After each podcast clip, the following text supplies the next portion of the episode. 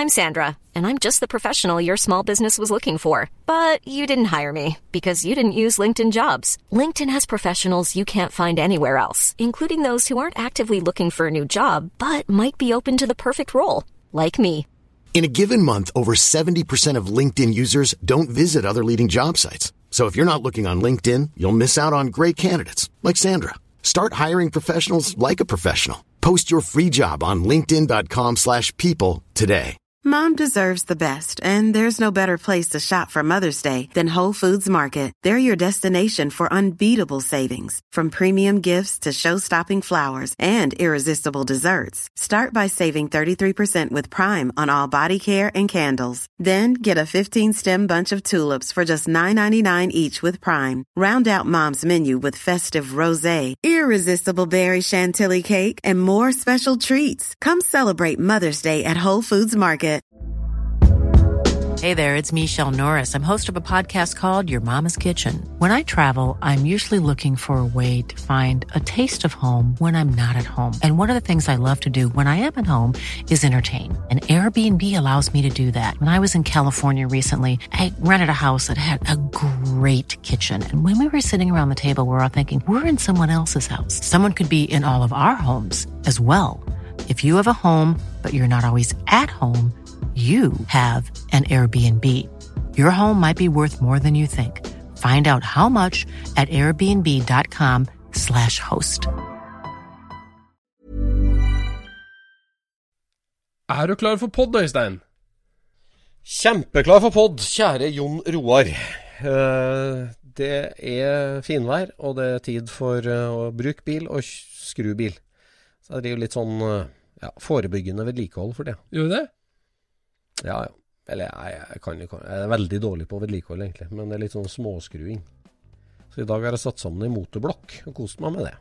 Jeg koser meg med å rive en del av huset. Ja. For nå er det ferie. Det virker Ja, ja. Så bil er jobb, og hus er ferie, er det sånn? Nei. Ja, noe sånt kanskje. Nei, vi kjører pod, da. Ja, vi gjør det, da. Du lytter nå til Scootspodden, en norsk podkast om klassisk bil med Jon Roar og Øystein.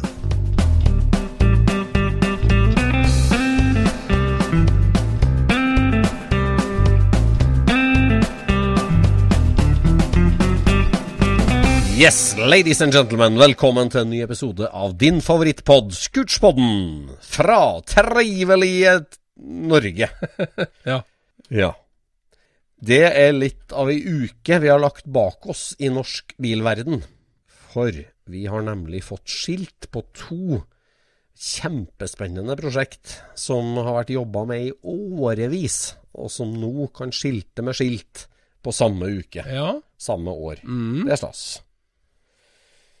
Vi skal snakke litt om hvor vi skulle ha vært eh, på den tida her, ja. på det året her.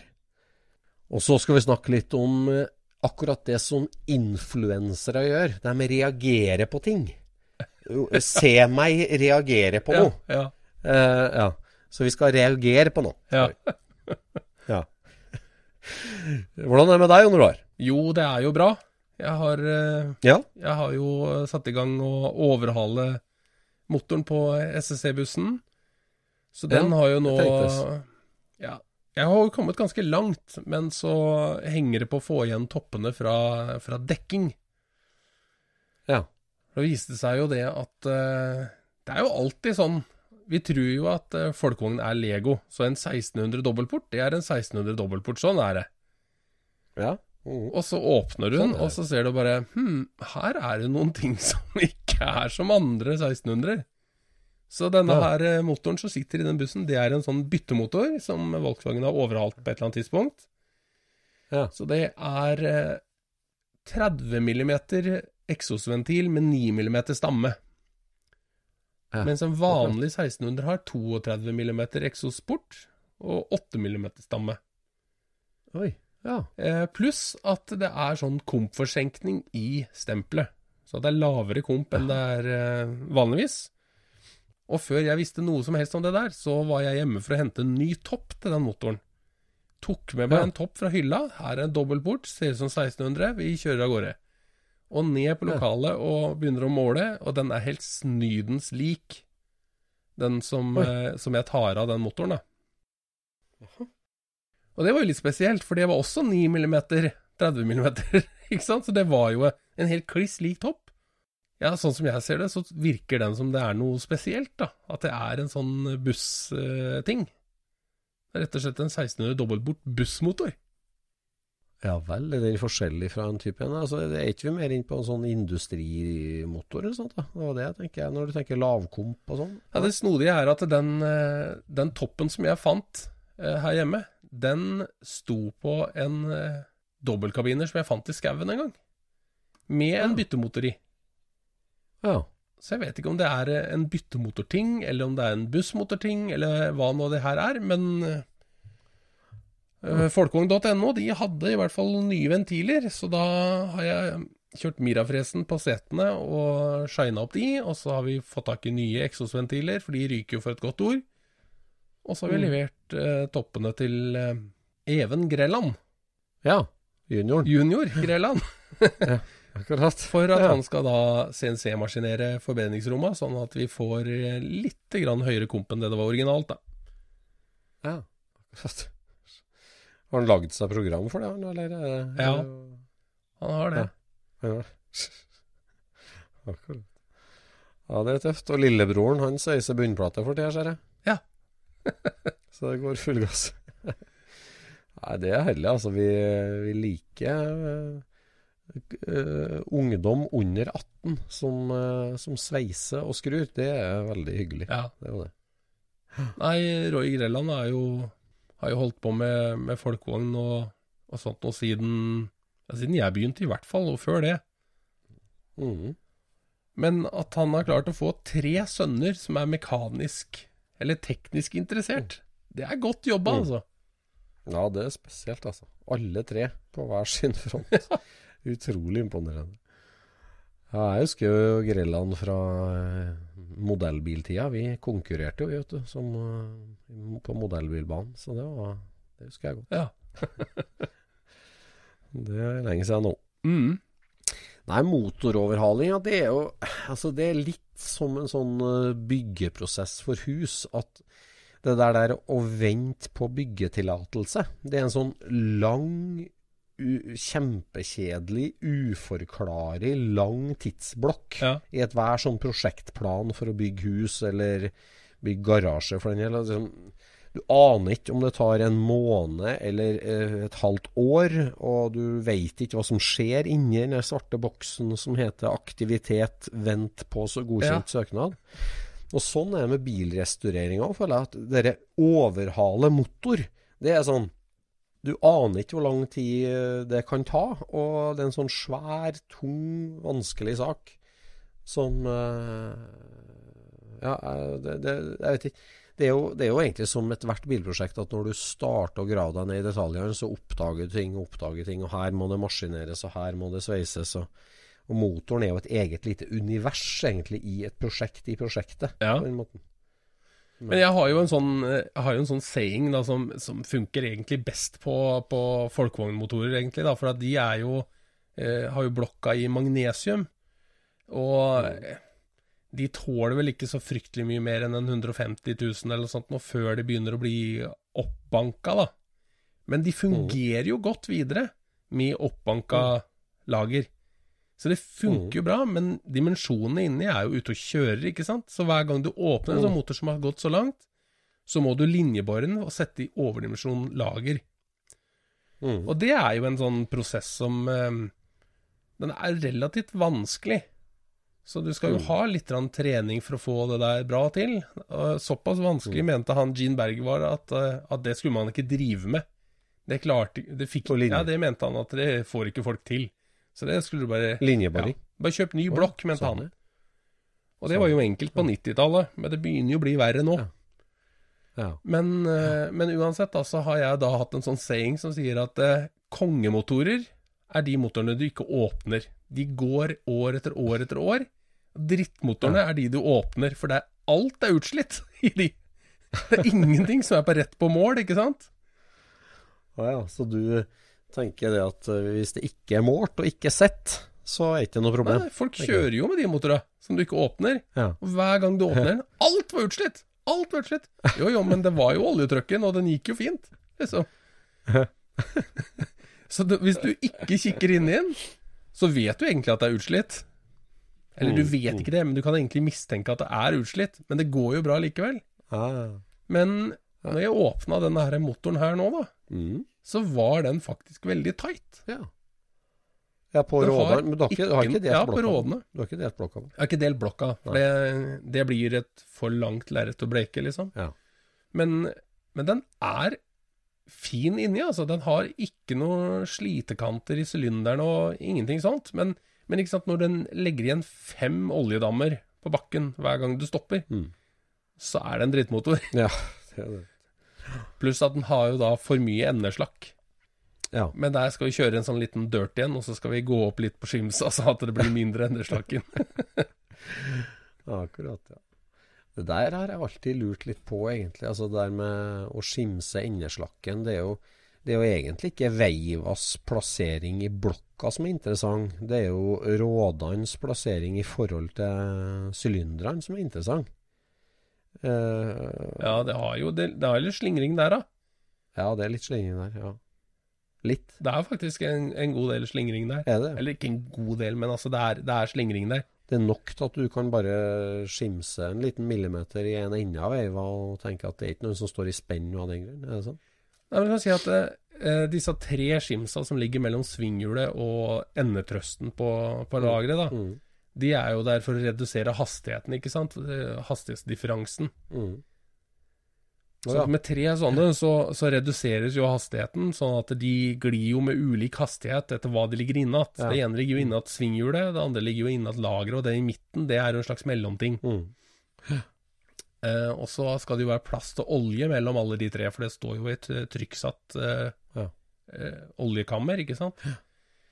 Eh, men når du, hver gang du sitter med kløtsjen inne på et lyskrøss eller et eller annet, så sliter du litt av dette lageret, ikke sant? Mm. Trøsten på lageret. Mm. Så det som forsvinner der sånn, Mm. det er ikke egentlig et problem at du bygger opp det med nye skims. Nei. Det er bare at det er et slags symptom på at motoren har gått langt. Ja. Mm. Men så lenge du ikke skal drive og selge denne motoren, så kan du bare ha den sånn sjøl, ikke sant? Mm. Ja, så, mm. For at den, den blir bare slitt hver gang du trykker kløtsjen. ja, Det, det, er jo ikke noe, det er jo ikke noe motkraft som banker i dette her bakfra og sliter laget fra baksida. Det, det fins jo ikke. Så selv om du må ha på en ekstra skims der, så, så er det egentlig Ja, du, trenger ikke ha, du trenger ikke ha ekstra skims. Du trenger bare ta tre skims av tjukkere dimensjon. Ja. For det fins jo mange forskjellige dimensjoner på skimsa. ja, altså. mm. Så du kan alltid ha tre Mm. Før Altså, det begynner å bli latterlig. en måte. Situasjonen, situasjonen med å begynne å bende på en råde, det er egentlig når du har slitt veldig mye der og sitter med kløtsjen inne. Da kan du risikere å, å dytte Ja, du kan nok det. Jeg har aldri ja. tenkt så mye på at du kan komme borti det, men det kan du jo. Nei, jeg vet ikke hvor tight det der er.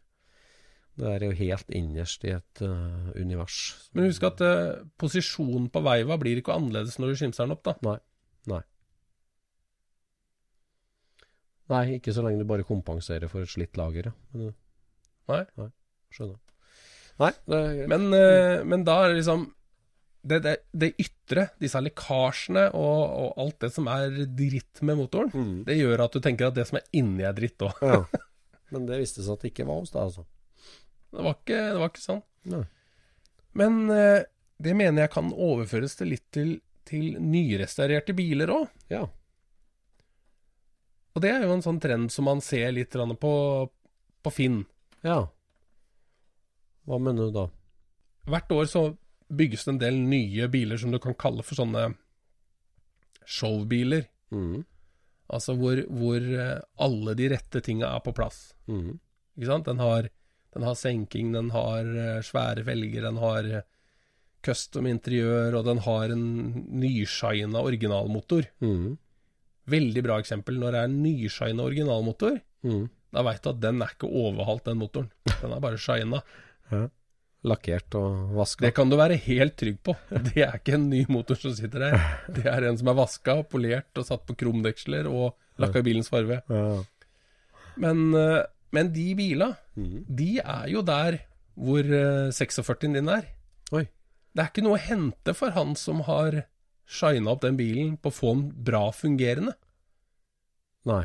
Ikke sant? En bil som er bygd for å imponere og sånt noe, Ja.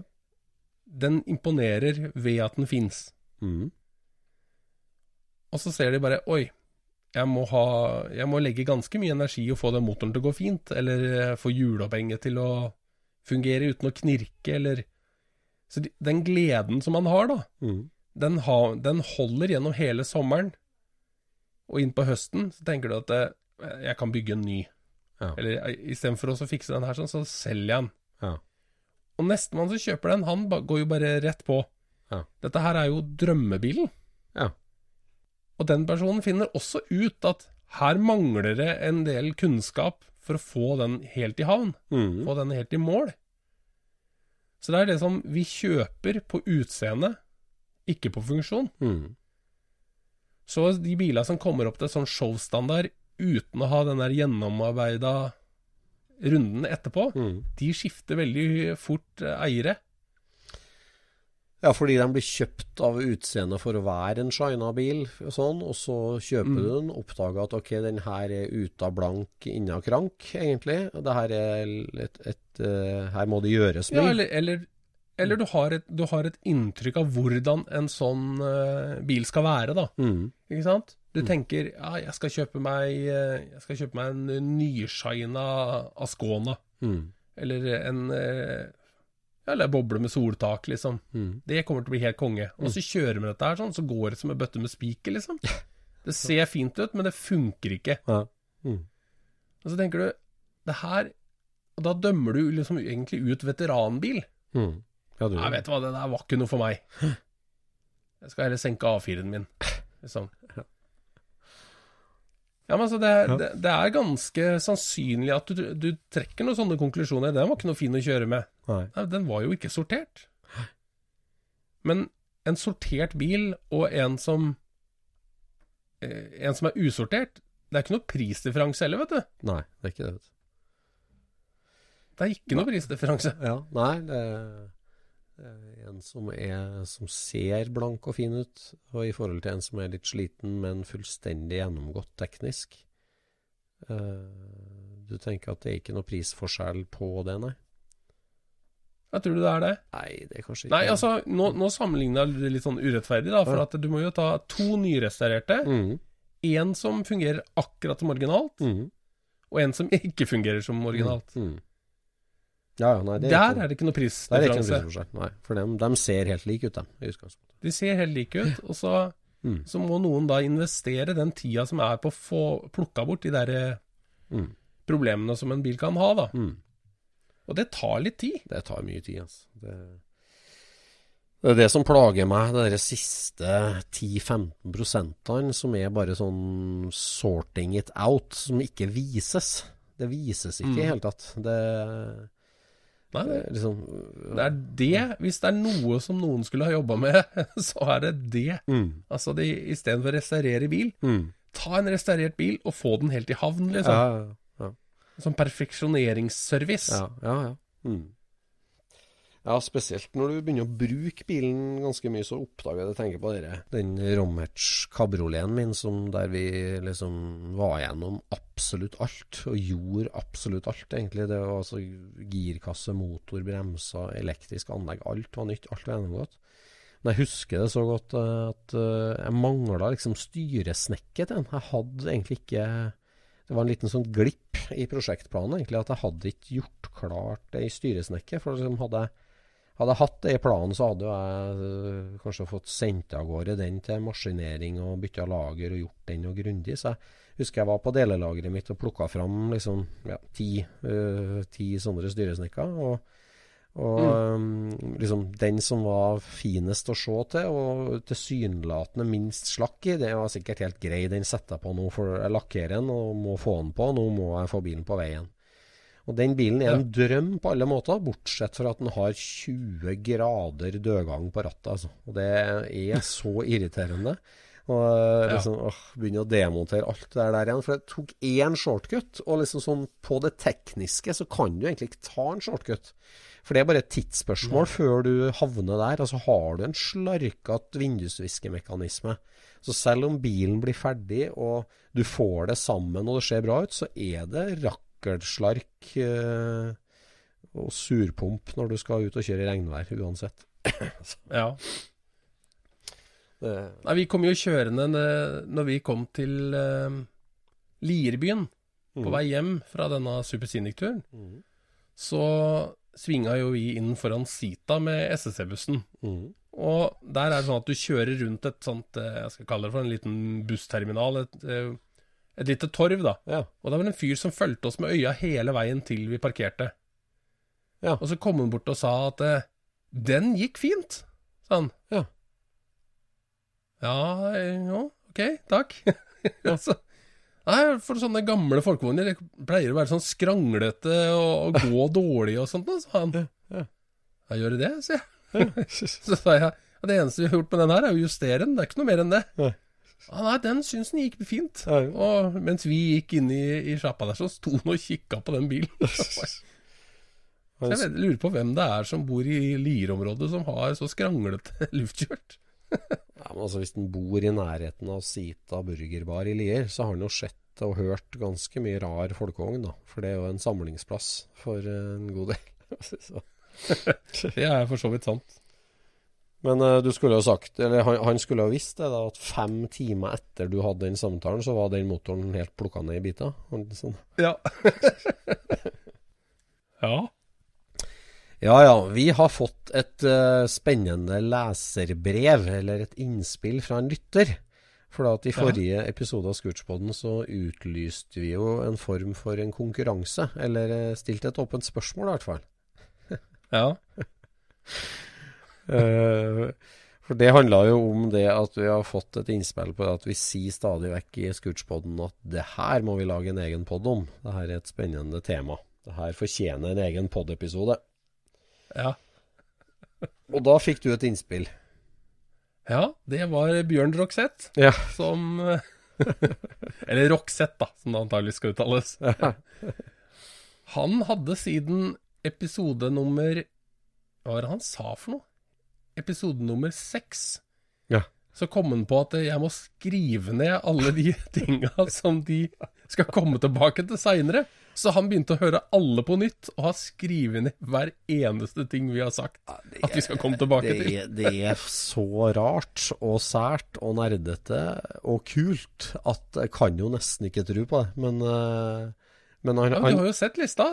Nei, du har ikke sendt den til meg, men eh, du, har- du, Nei, men du leste leste, opp utdrag. Jeg leste opp liksom de første helt de første tolv punktene eller sånt. Da. Så han har altså hørt hver episode og skrevet ned Her skal det bli en egen pod, her skal det bli en egen pod. Ja. Så han har hele den temalista liggende klar. Det er veldig smigrende, rett og slett, og utrolig artig. Og jeg gleder meg til å ta fatt på den lista, for da, da har vi jo pod-grunnlag for lang tid der. Ja, det har vi. um, men det er en del ting der som, som vi faktisk har prata om, da. Men, men nå har vi jo liksom holdt på så lenge at at det gjør jo ingenting om vi kommer innom temaer vi har vært på før. Nei, det gjør vi ikke.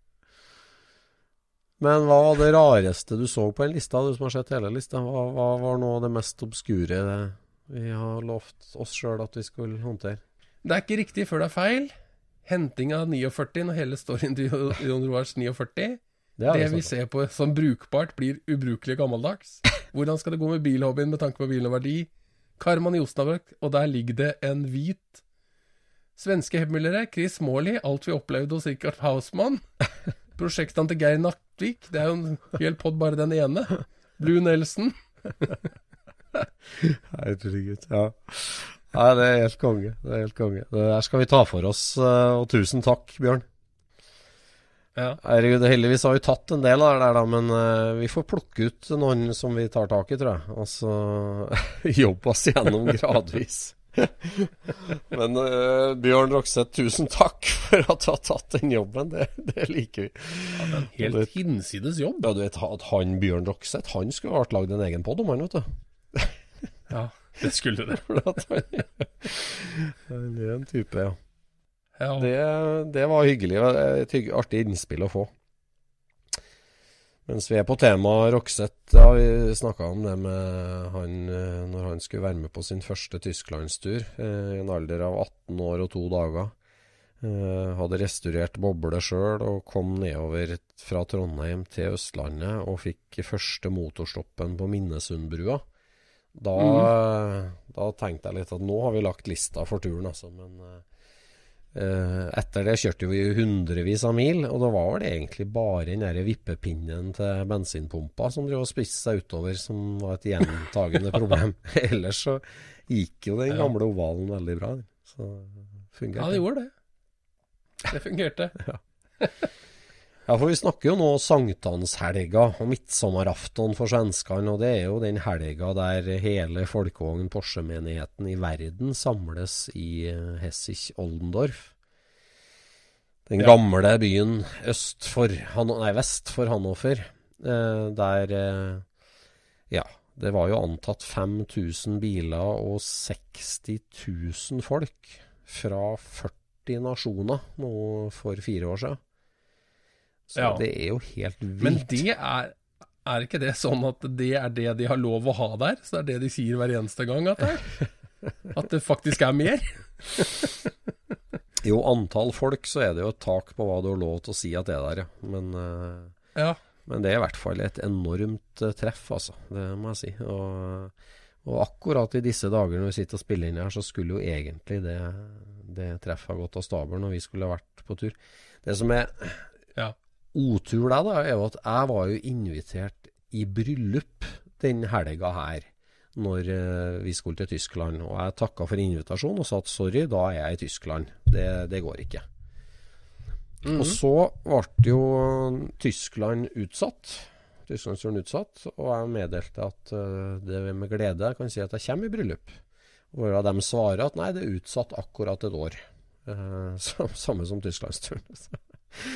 Oi! Så um, da blir det kollisjon neste år òg, og da er det bare synd og sint. Um, det er bare egen begravelse som gir fraværsgrunn for Tysklandstur. Eh, Så det er jo greit. Ja. Så, Men det der med å, å møtes i de rette omgivelsene, det må jo være noe som alle bilentusiaster eh, har lyst til å prøve å få til. Altså Hvis du er interessert i italiensk Ja. bil, så vil du vel møtes eh, i Fiat-klubben på Porsletta et eller annet Ja. sted, da. ja, det tenker jeg. Det, det, Bare se bilene i sitt naturlige habitat, Ja, ja. liksom. ja, det er noe eget med det. det. Det er noe med moderlandet eller faderlandet på den måten at uh, det er flere folk som har et forhold til det bilmerket. Det, det har vært en forhandler i alle bygder. Det har vært eh, liksom, det, det er entusiaster og deletilgang og, og en, en holdning til merket da, som er ja, som nordmenn tenker om Nordsjøoljen og Statoil, for å si det sånn, så har alle har et forhold til det. Alle har et forhold til folkevogn i Tyskland.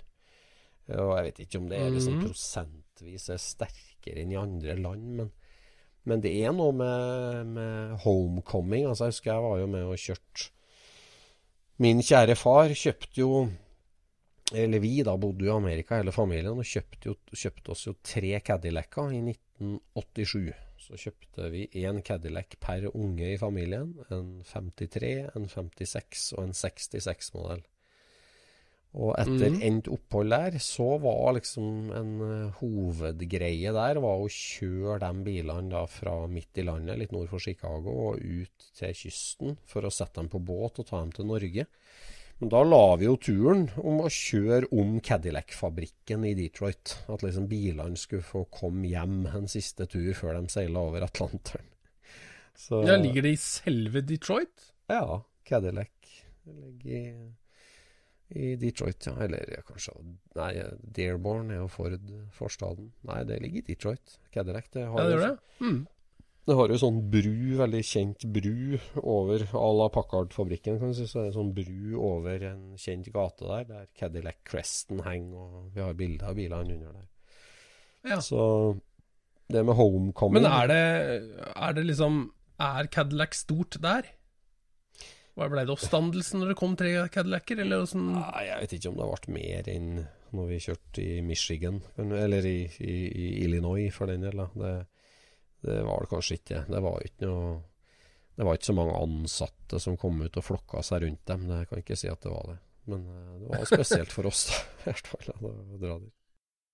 Så homecoming-tur, det Nei, altså For oss som er tysk bilinteressert, så er det noe med liksom de, de, Det er en del autobanstrekk som er kjent og legendarisk. Det er en del gamle racerbaner. Det er forhandlere vi har hørt om og lest om. Så det er jo noe helt spesielt med å komme til Tyskland med de bilene. Det altså. Og Tyskland er jo veldig fint på den måten at der er jo når du er litt langt ute på landsbygda der, så ser det ut så Det er ikke så godt å si hvilket, hvilket århundre du er i. Nei, det er sant, ja. Det er sant, ja. Og så er man jo føler seg jo hjem både på småveier og på betonglagt autobahn. egentlig, egentlig det. Ja.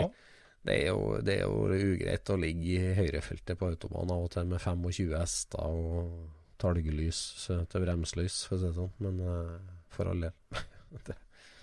Men én ting jeg godt kunne tenkt meg å gjøre, var jo å komme til California med Ja. folkevogna. Ja. Det hadde jo jeg syntes vært kult. Vi kjørte rundt der, ja. Det er sant. Det er sant. Det har jo vært en drøm lenge, men det er ganske vanskelig å få til. Dit er det langt. Ja, det er langt. Men det er jo mange som har sendt over bilene sine. Det har jo vært eh, nos norsk Messerschmitt, det har vi jo snakka om før på podden, som har kjørt eh, Chicago, Los Ja, Angeles. ja, ja. ja. Det går an å ta dem over. Det gjør jo det.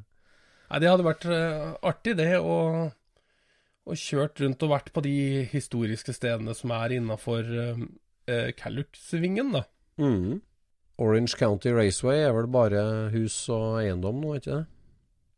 Det er eh, et industriområde, ja. Ja. Men um, det har vært artig vært der likevel, kan du si. ja.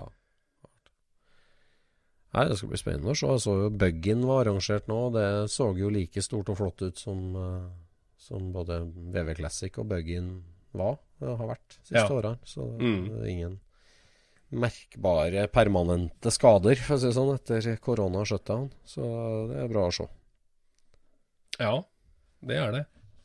Nei, jeg bare tenker på det eh, Hvis du liksom driver med Citroën, så må det jo være å komme seg til Frankrike. Ja, ja.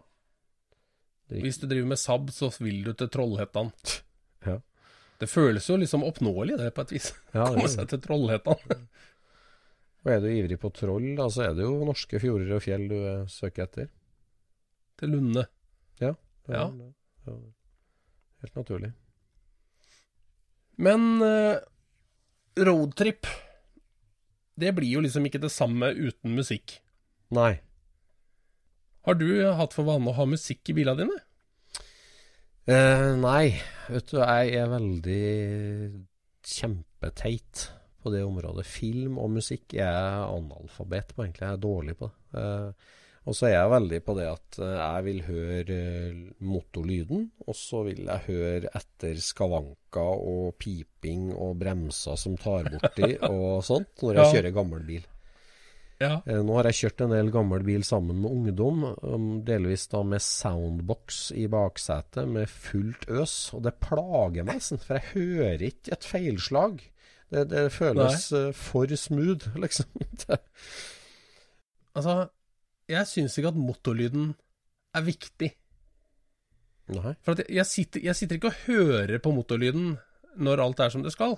Nei. Men hvis det kommer en ulyd, Ja. hvis det kommer et, et eller annet, ja. da hører jeg ikke på noen ting annet, altså. Nei, Da er det bare den lyden, og hva den kan være. ja. Men altså, du, du vil jo høre den ulyden. Du vil jo ikke overdøve den med musikk og bli kvitt den. Eh, nei, nei, det vil du jo ikke. Nei. Men, eh, men jeg tror det er ganske vanlig at folk bare drar på handlingen litt mer, altså. Ja, hva mente du Det var et litt ledende spørsmål her med musikk i bil. Jeg, jeg, jeg svarer at det har ikke jeg så sterkt forhold til. Hva mente du? Nei, for jeg, jeg har jo hatt uh, folkevogna som ungdomsbil òg. Ja. Og da var det jo liksom Altså, ikke sant? det var jo å komme seg ut hjemmefra. Ja. Være ute på veien og oppleve frihet, ikke sant. ja, ja. Hvis, du skal, hvis du skal ha med deg noen kompiser på tur da, mm. så er de er ikke så interessert i å høre på den motoren. De syns det blir litt rart å kjøre rundt og bare høre motor. Det er musikk i mine ører. Ja, det er musikk i mine ører, Mm. men ikke nødvendigvis i deres. Fra en tidlig alder så blei det jo stereoanlegg i, i folkevogna, ikke sant. Ja. Bygde med, med to tolvtommere baki, da. Ehm, og det Da havna vi jo inn på det der hifi-klubben-kjøret, for at det, det er den alderen man er, ikke sant. Ja. Og begynte å drømme om de tinga der og spare etter de Det var jo etter at bilen var ferdig, ikke sant. Da var jo Da kunne du begynt på anlegget, for anlegget var ikke en del av bilen. Det var noe du satte i etterpå. ja. Mm. Så mm, der har, der har jeg nok mange meningsfeller der ute, selv om ikke du er en av de. Ja, ja, ja. Vi kan ikke være enige om alt, vet du. Ja, var det, Vi er jo ikke enige om noe. ja, var det, var det en viktig del av det prosjektet? Å bygge 1303-kalykeren? Det var å bygge anlegg ennå nå etterpå? Eh, ja, det var det jo egentlig. Ja. Den blei jo veldig rar å kjøre uten anlegg. Nei, ble den det? Ja, det syns jeg. Ja, men liksom Fordi den var liksom en komplett bil. Ja, altså sånn rar, ikke rar sånn kjøreegenskapsmessig, men du tenker sånn nostalgimessig, du. At det skulle være det Du skal ha soundtracket fra 19-årstida, du. Hockeysveisen. Ja, ja, ja. altså. Vi måtte jo Altså, alt måtte jo på plass. Skal, skal du få nostalgien tilbake, så må jo alt være likt. Ja, ja, ja. Og da var det Mr. Music og CD-veksler under passasjersetet, ikke sant? Det var aldri Mr. Music, men det var alltid Absolute Music. Absolutt ja. Akkurat. Ja. Ja da, nei, jeg husker, jeg husker så godt uh, den gangen som vi kjørte opp til, til Trøndelag og, og hørte disse her uh, 90-talls dance-låtene mens vi kjørte over Hjerken der. Det var uh, Det husker jeg veldig godt, altså. I lav kveldssol. Har du CD-en liggende fortsatt, da? Ja, hva er det Nei, jeg har ikke det, vet du. Jeg er jo ikke en som tar vare Jeg er jo ikke opptatt av musikk. Nei, du er ikke det? Jeg er jo ikke egentlig opptatt av musikk, jeg har det jo bare som underholdning. Ja, ja, ja. Men soundtracket, har du, har du bygd inn anlegg nå igjen, da, når du på en måte restaurerte den opp igjen, eller? Ja, da har jeg bygd et nytt anlegg, da. Ja, akkurat. Og det som er litt sånn eh, artig, er jo at jeg hadde jo det gamle hifi-klubben-anlegget liggende fortsatt. hadde du det. ja, ja, ja. For det beholdt du når du solgte bilen, altså? Det beholdt jeg, ja. Det kosta jo mer enn bilen. Så Men det gjorde jo fort det på den tida der. vel, altså en, en bra basse kosta jo to og et halvt, liksom. Ja. Så hadde du to, og så hadde du en forsterker til 6000, og så hadde du Ja, du hadde vel egentlig to forsterkere. Jeg hadde én Phoenix Gold M44 og én Phoenix Gold M100. ja. Akkurat. Og dette her eh, var jo sånn amerikanske eh, saker med tommeumbrak og gull, eh, gullkromaterte poler og sånt noe, da. Så nei, det var Det var storveis, det å kjøre til Drammen og, og kjøpe Haifa-klubb-ting. Spart og spart og spart. Så Ja, har, du, har du satt inn hele det systemet i, i nå, eller? Jeg har høyttalerne fortsatt. Ja. Jeg hadde jo dette her eh, seinere. Når jeg solgte folkevogna mi, så satte jeg jo dette her i, i bruksbilen. Ja, akkurat. Så da hadde jeg det, 120 liters eh, kasse med to Celestian AD12 Ja. i, i Audien. Ja. Og så var vi på Vi var på ferie på, på Rivieraen Ja. med, med bilen. Ja. Ja, med bruksbilen, den- Med bruksbilen. Mm. Og så ble den jo stjålet, vet du, der nede. Ja. Og så forsvant de Phoenix Gold-forsterkerne, da. De Ja. skrudde de av og tok med seg. Nei, For de satt jo skrudd på den kassa. Og så husker jeg så godt at når eh, og Dette her var jo gamle greier, liksom. Phoenix Gold er jo ikke et merke som folk har hørt om i dag. Nei. Men det var jo liksom sånn gromme amerikanske ting, da. Ja. Og så, så når vi var på politikammerset, vet du, for å forklare oss, da, eller gendarmeri, eller hva det heter for noe, Ja. det her er sånn militærpoliti, ikke sant? På den lille puckerplassen vi var da. Ja. Så skulle vi forklare hva det var som var stjålet, da. Ja. Og det var jo stort sett Det var bitte lite grann bagasje, og så var det de forsterkerne. Ja. Så sa jeg Phoenix Gold, vet du, og da var det en av de her franskmennene som bare Ah, Finish good!» så tommel opp og greier. Det var, og forklarte til de andre at det var bra greier. Det syns jeg det var ganske artig. Såpass, ja. Det var den Det skjønte han hva var, liksom. Såpass, ja. Så det var det siste jeg så til dem. Ja, akkurat. Uff, trist. Så Det er jo litt trist, da, men ja ja. Ja, gå rundt i en uh, rar Peugeot eller en sliten Citroën eller sånn. Ja. ja. Akkurat. Ja ja. Nei, bilstereo det hadde vært artig å få på plass de eh, på nytt igjen, da. Men nå sitter jo noe sånn eh, to tilsvarende fra Rockford Fosgate i den, eh, i den folkevogna, da. Så det, det spiller eh, Spiller høyt, om ikke så bra, kanskje. Så Ja. spiller det høyt. Ja, drar du på volumknappen der nå når du bruker den nå, da? Liksom? Det er en del av hele kjøreopplevelsen? Nei, nei, jeg, nei, jeg- det er ikke så voldsomt volum. Det er liksom bare for å ha noe å, å høre på, kan du si. Ja. Eh, men eh, Mm. Men når, det kom, men når det kommer noen på lokalet og har kjøpt seg nye 6 ganger 9-tommere og skal begynne å brife, Da da, da kan jeg stille opp litt. okay. Da er det liksom 25 års gammelt anlegg som, som drar fletta av det, vet du. Ja da. Ja, ja, nei, det har jeg ikke. Jeg har vel egentlig ingen eh, forhold Altså sånn bil med anlegg i på noe vis. Det har jeg aldri hatt. Det er jo den nye bruksbilen. Der er det jo bra lyd, for så vidt. Ja. Det tester ungdommen i huset. Men ikke, jeg er ikke så ivrig på det. Setter, for, for å terge dem, da, så kjører jeg ofte NRK Jazz når de setter seg inn i bilen. og sånn. For Jeg syns de er i andre enden av skalaen. Ja, men jeg husker vi var jo og prøvekjørte en Arctic Truck. Ja. Mhm. eh, som vi skulle da kjøre fra eh, Drammen til Trondheim. Ja, stemmer det. Det var noe der. Husker du det? Ja, det Det var en Ford F250, tror jeg, som var bygd om av Arctic Truck til å bli enda mer ubrukelig. Ja. Eller ikke ubrukelig, men den ble i hvert fall veldig svær. ja. Det var en artikkel for, eh, for Amcar du skulle skrive der, tror jeg. ja det stemmer, det. Stemmer det. Så jeg stoppa jo i Drammen på vei oppover til deg, og plukka opp denne bilen her sånn, og kjørte da i snøslaps gjennom Oslo med dette greiene her. Ja. Og det, var liksom, det er den første gangen jeg har tenkt at den motorveibrua over Asker er for smal for en lastebil og den som jeg kjørte. Det var trangt, altså. Ja, drakt. Men da sa du 'ta med deg noe musikk', sa du. Ja, det gjør jeg kanskje. Og det gjorde jeg. Husker du hva det var? Nei, det husker jeg ikke. Det gjorde ikke inntrykk. Nei, jeg hadde noe forskjellig Jeg hadde med noe forskjellig, men så satte jeg på Rammstein. Okay. Det var litt for heavy. Ja, det var for heavy. Nei, jeg er jo en håpløs Og da dro jo du fram en CD. Shania Twain, sikkert. Nei. Da dro du fram en CD med Johnny Cash. Ja, det gjør jeg kanskje. Så da satt vi og hørte på det. Det passa jo egentlig bra i den eh, Vi skulle egentlig ha sånn ja. Stetson-hatt òg der. Jeg husker når jeg drev og raida etter bil i Amerika. Jeg bodde jo der i flere år og kjørte rundt. Og jeg hadde, jeg hadde en Oldsmobil Delta 88 først, en 94-modell. Og noen år etterpå så hadde jeg en 98 Nei, det kunne jo ikke vært det. 91-modell, tenker jeg. eh, Ford Thunderbird. Og da var det jo country det gikk i, da. Da var det Bellamy Brothers og Shania Twain.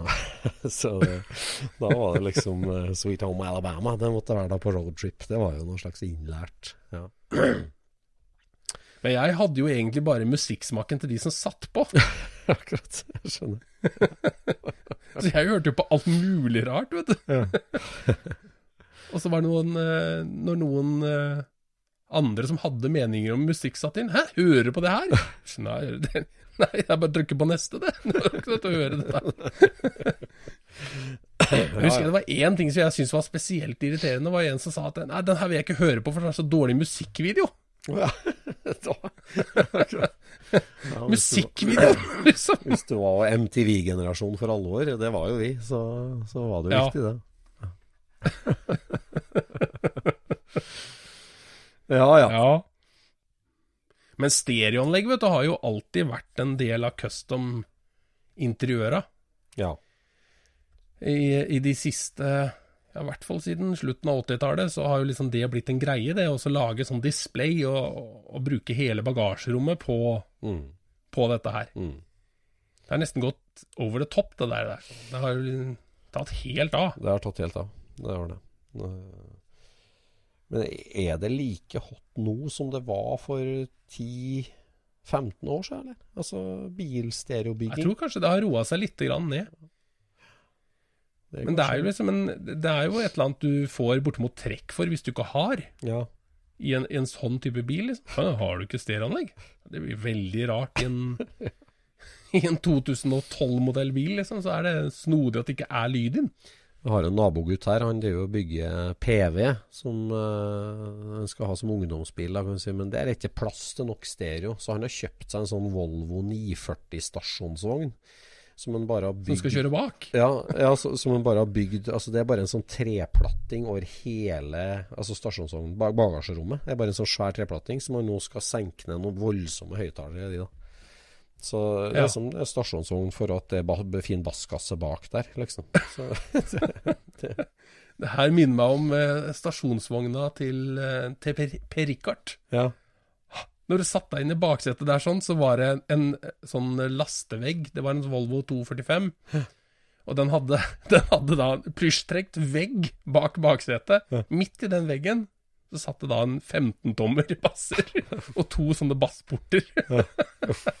altså, du satt jo med håret flagrende framover når han kjørte Two Brothers on the Fourth Floor. Come and take my hand. Aldri hørt det så høyt. ja nei, det er en litt annen del av bilverdenen enn eh, enn jeg er vant med. Vi har jo ikke sittet og hørt eh, på, på de gamle radioene når vi har vært i Tyskland heller. Selv om det har vært radio i biler vi har kjørt, så har vi aldri skrudd de på. Nei, det har vi ikke gjort. Men jeg vet ikke om de Vi sender vel FM fortsatt i Tyskland, for det er vel akkurat kommet omtrent? Er ikke det? det gjør det sikkert. Nei, det er sjelden altså at jeg har hørt uh...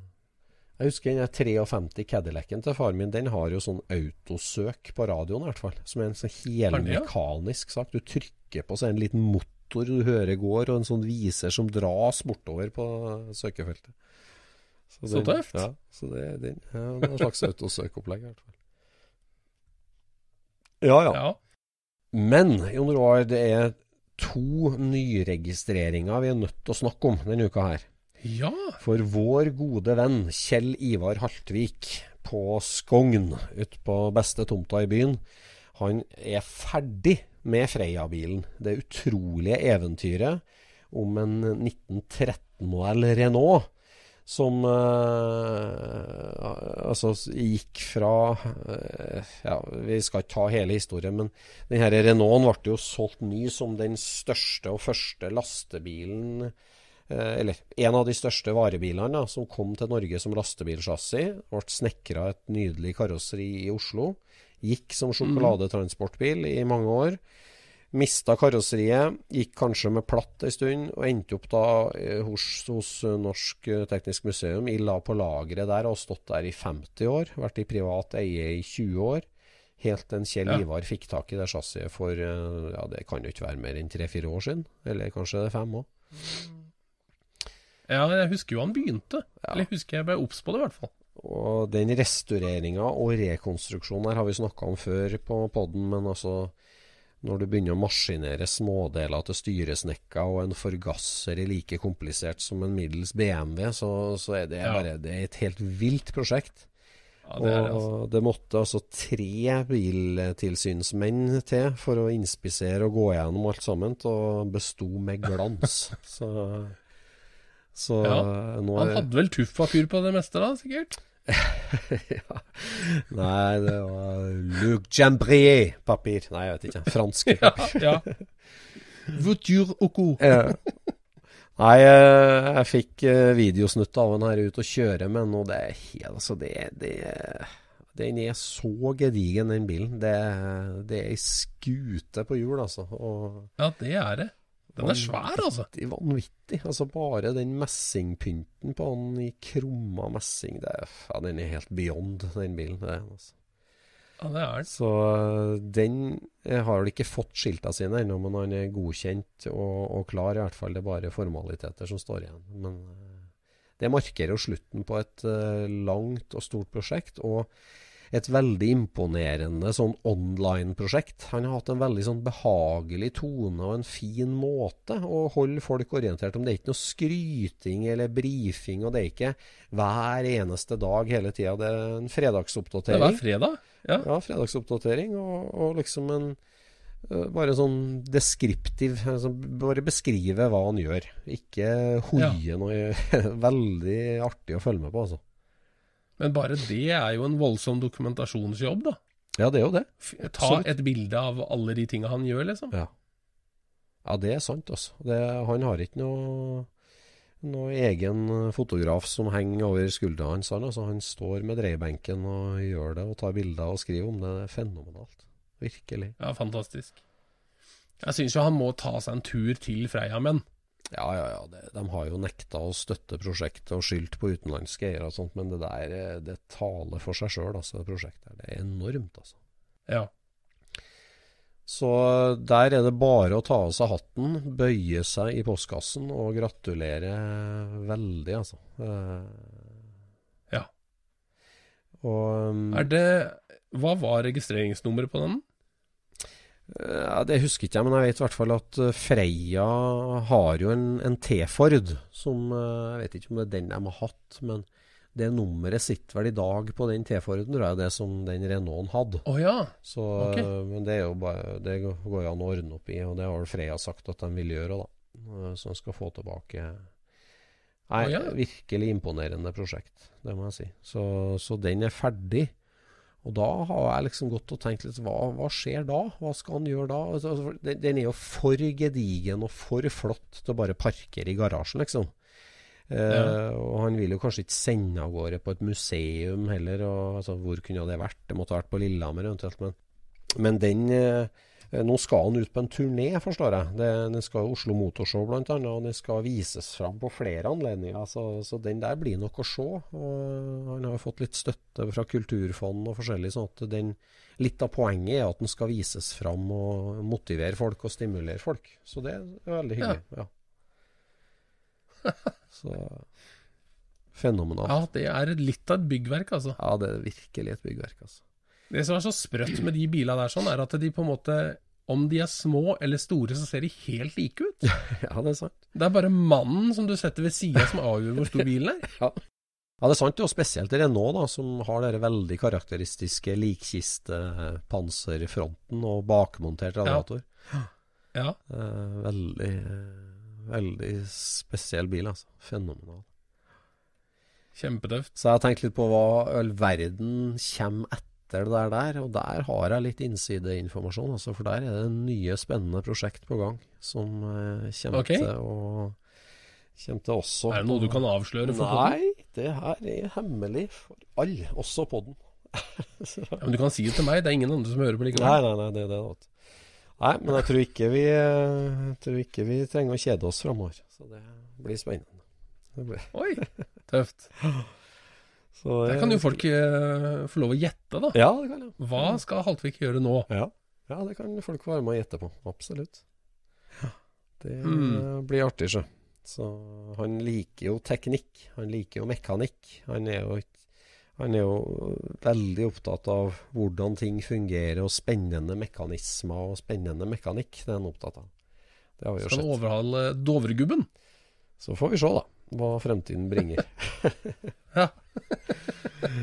Så må vi videre, lenger sør, og til Tønsberg, og gjøre en shout-out, som influenserne sier, til um, vår gode venn Vidar Kjemperud, som har Ja. altså bygd seg en utrolig uh, Hebmüller. Altså eh, starta med et chassis og noen rester av et karosseri, og har, har bygd og hamra ut ei boble som, som er helt lik dem som ble bygd av karosseriverk Hemmüller i 1949 og 50. Der ble de lagd 700 stykker, toseter kabrioleter. Og nå har vi en tro kopi her i Norge som fikk skilt i forrige uke. For den fabrikken lå vel i Remscheid, gjorde den ikke det? Ja, i Wuppertal. Men denne her er bygd på Eik, På Eik, ja. utafor Tønsberg. ja. I en liten dobbeltgarasje. med Ja. enkle verktøy. Og ikke bare bygd, altså han har gjort alt sjøl. Han overhaler motoren, han lakkerer, han sveiser, han snekrer kallersestativ, han syr interiør. Han trekker ledningsmatte, han overhaler radioen, han gjør alt! Absolutt alt. Han gjør alt, altså. Og, det Og han er jo da selvfølgelig snekker. Ja, selvfølgelig. Helt naturlig. Så nei, han har virkelig gjort en fenomenal jobb med den Hebmülleren. Jeg gleder Jeg har sett den et par ganger underveis, og jeg må si jeg gleder meg virkelig til å så, se han bevege seg. Og svart med, med elfenbenshvite sider. Ja, Stor tommel opp og så videre. Vi bøyer oss i støvet. Imponerende. absolutt. Helt rått. Helt rått. Men eh, den eh, Hadde han vært svensk, så hadde dette vært en sånn derre hemmuller. Ja. En hemmapulare. Men nå er det en hjemmuller. Nei, det er virkelig flott. Det er artig altså at det skjer sånn eh, rundt om i garasjene. Nå er det, det her er to eh, prosjekt som har gått over lang tid, som nå liksom er ferdig. og Det er så hyggelig når folk deler av det òg, syns jeg. At, de, det, Ja. at ikke, det er ikke skryt. Det det å dele og bidra til hobbyen og vise seg fram. Det er fenomenalt. Ja. Send oss Hva eh, blir det litt neste innspill. der, da, tru? Ja, det kan du si, altså. Hva blir neste der? Det må også være en gjettekonkurranse. Send oss eh, innspill på prosjekt du vet om, prosjekt som skal debutere i år. Eh, Etter to års korona nå, eller ett og et halvt års korona, så har det vært mye tid i garasjen rundt omkring, så vi vet at det er mye spennende på gang. Ja. Så vi får ta opp det i neste episode videre. Ja. Takk for i kveld. Det var dagens Scootspod-episode. Takk for i kveld. Ha det bra. Scootchpoden produseres av SSC Media, med god hjelp av VV Norge og Trond Dahl for hosting, Knut Micaelsen for musikk. Abonner på Scootchpod via podcaster eller Acast, og følg Scootchpod på Instagram og se det vi snakker om. Der kan du også komme med kommentarer og innspill, og fortelle oss hva du vil høre om.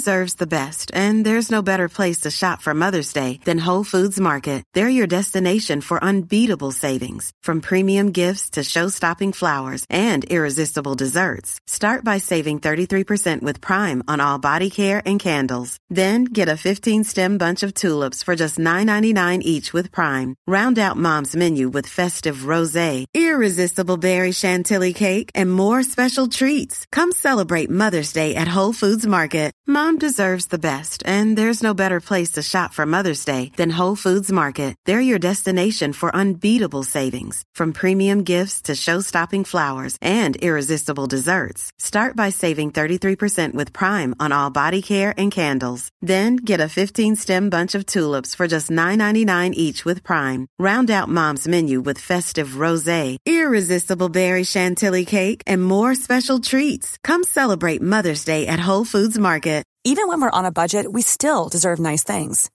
Quince is a place to scoop up stunning high-end goods for 50 to 80% less than similar brands. They have buttery soft cashmere sweaters starting at $50, luxurious Italian leather bags, and so much more. Plus, Quince only works with factories that use safe, ethical, and responsible manufacturing. Get the high-end goods you'll love without the high price tag with Quince. Go to quince.com slash style for free shipping and 365 day returns.